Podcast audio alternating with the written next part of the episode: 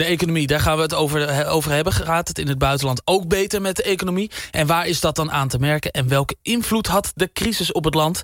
Dat ga ik vragen aan uh, Alfred Middelkamp in Chili. Uh, heeft Chili last gehad van, uh, van de crisis, Alfred? Ja, behoorlijk wel. Kijk, om, om daar iets van te begrijpen moet je, moet je iets weten over Chili. Uh, ik denk dat, dat als Nederlander dat je denkt van... oh ja, Chili, dat is uh, wijn. Ja. Maar de, de wijnexport zit zo'n beetje op uh, nou, 1, 1,5 miljard. Best veel. En wat we hier ook hebben is koper. Kopermijnbouw. En de kopermijnbouw, uh, de koperexport die zit op 36 miljard. Dus dit land uh, gaat vooral over koper, over koper, over koper. En daarna misschien nog over wat andere dingetjes. Ja, ja dus, dus koper is heel erg, heel erg belangrijk. Zijn ze dan heel erg, heel erg afhankelijk van die nou ja, koperprijs, zou ik zo maar denken? Ja, gigantisch. En nou ja, ik heb ondertussen weet ik daar aardig wat van. Uh, als, als de wereldeconomie het goed doet, dan is er veel koper nodig. Onder andere voor mobieltjes. En als de, uh, dus als het goed gaat met de wereldeconomie, gaat het daarna goed met de koperprijs. Dan wordt er stevig geïnvesteerd in de mijnen. En dan gaat het ook heel goed met Chili. En dat werkt dus ook andersom bij een crisis. Uh, dan gaat de koperprijs omlaag. Ja, dan zitten die eigenaren van die mijnen, die zitten op een bult koper. En je nou, weet je wat, even wachten tot de prijs weer omhoog gaat. Dus alle investeringen die gaan in de tijd naar achteren. En dan, uh, ja, dan ligt dit land ook een beetje op zijn gat eigenlijk. Ja, ja mooi. Jullie, wij, wij hadden hier de, de Boterberg en de Melkplas. Jullie hebben daar de Koperbult. Uh, uh, vele ontslagen dus. En, en, en nou ja, kopermijnen waar het minder mee gaat. gaat dat nu beter? nog, nog niet. Ik denk dat de wereldeconomie begint nu omhoog te komen. Dus de prijs van koper begint nu ook te stijgen. En dat betekent ook dat je de investeringen nu ziet loskomen. En nou is Chili wel gewoon een, een stabiele en een sterke economie in, uh, in Zuid-Amerika.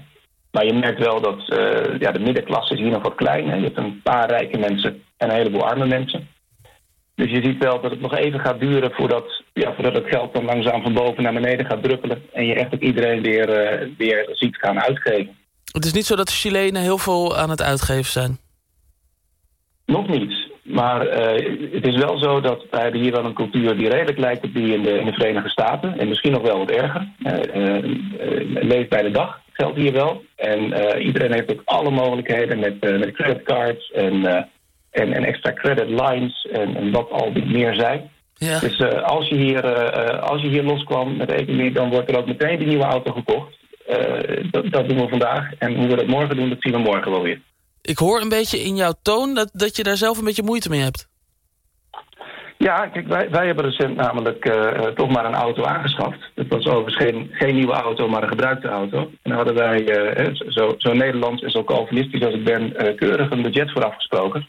Ja. En vervolgens zit bij iedere autoverkoper waar je vertelt dat er toch wel 1000 of 2000 euro over je budget heen gaat. Daar wordt meteen verteld, oh, maar dat geeft niks, joh. Dat kun je gerust financieren. Hè? 12 termijnen, 24 termijnen, uh, 80 termijnen. Geen enkel probleem. Maar ja, ook, ook die termijnen moet je een keer weer gaan betalen. Ja. Dus, dus jij uh, was het daar niet mee eens? En word je dan heel raar aangekeken? Ja, je merkt wel dat, uh, dat het idee van dat je gewoon uitgeeft wat je hebt... en dat het daarbij blijft. En dat als je net een auto hebt gekocht... dat je dan met de vakantie wat rustiger aan moet. Dat, uh, ja, dat is toch wel een heel raar idee, hoor. Is dat een beetje Zuid-Amerikaans of zo? Dat, dat leven op de rand van je, van je creditcard? Het, het lijkt wel zo te zijn. Net zoals in, in de tijd mensen ook zeggen van... goh, waarom zouden we uh, vandaag al doen wat morgen pas afvoert?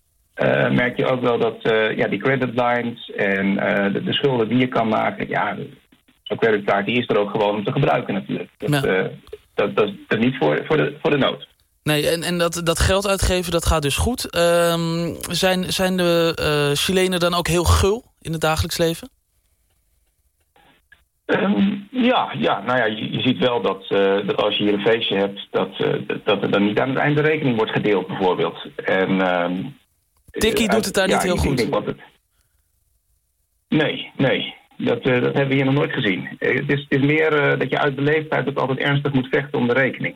Ik weet niet of je dat kent, hè, maar dat je zegt, ah, ik betaal wel niet. Nee, ik wil echt betalen. Ja. Ah, ik betaal wel. Ik wil echt betalen. Nou, vooruit. ja, ja, dus dat is misschien ook een beetje macho gedrag. Dat, dat zou heel goed kunnen, maar ik denk dat het ook gewoon een kwestie is van, ja, van, van, van, van leven. Hè? Als je, als je, als je nu ja. dit geld hebt, dan moet je het nu uitgeven. En als je morgen niks hebt, ja, dan dan zien we dat morgen wel weer. Ja, precies. Ja, ja. En we hebben dus over de economie. Ehm, ja, Chili, die zijn ondertussen ook gewoon uh, marktleider in de zonne-energie. Ja, ongelooflijk. Ongelooflijk. Uh, in, in 2015 zat Chili nog zo'n beetje op de helft van het aantal zonnepanelen wat, uh, wat Nederland heeft. Dus ik geloof dat Nederland op dit moment op zo'n 10 miljoen zit. Chili zat op 5 miljoen zonnepanelen. En wat zij alleen al in 2016 in aanbouw hadden. Mm Het gaat om van die, van die grote zonneplants midden in de woestijn... waar ze dus voetbalveld na voetbalveld volleggen. Uh, hebben ze alleen al uh, eh, 13,3 gigawatt in aanbouw. Het gaat dus om 53 miljoen zonnepanelen. En daarmee hebben ze dus in één keer uh, zes keer zoveel als wat er in Nederland bij elkaar staat. Wauw, ze zijn van 5 miljoen zonnepanelen naar, naar, naar 50 gegaan. Ja, over de 50 miljoen heen. En uh, ik heb het even uitgerekend, want ik, ik, kan me bij die getallen eigenlijk ook helemaal niets meer voorstellen. Maar je moet je dit moment voorstellen dat uh, een oppervlakte van de hele gemeente Amsterdam nu vol panelen ligt. ja, dat, dat moet er ook best mooi uitzien, of niet? Ja, volgens mij wel. Wij, uh, volgende week gaan we op vakantie. En ik heb de route stiekem zo gepland dat we daar zeker langskomen. Want dat wil ik ook wel eens met eigen ogen zien. Ja.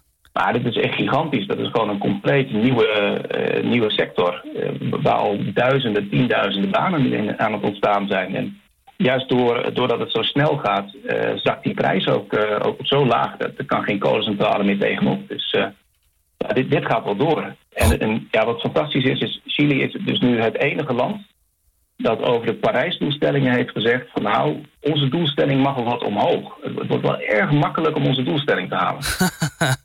Goed bezig, die Chilenen, Alfred.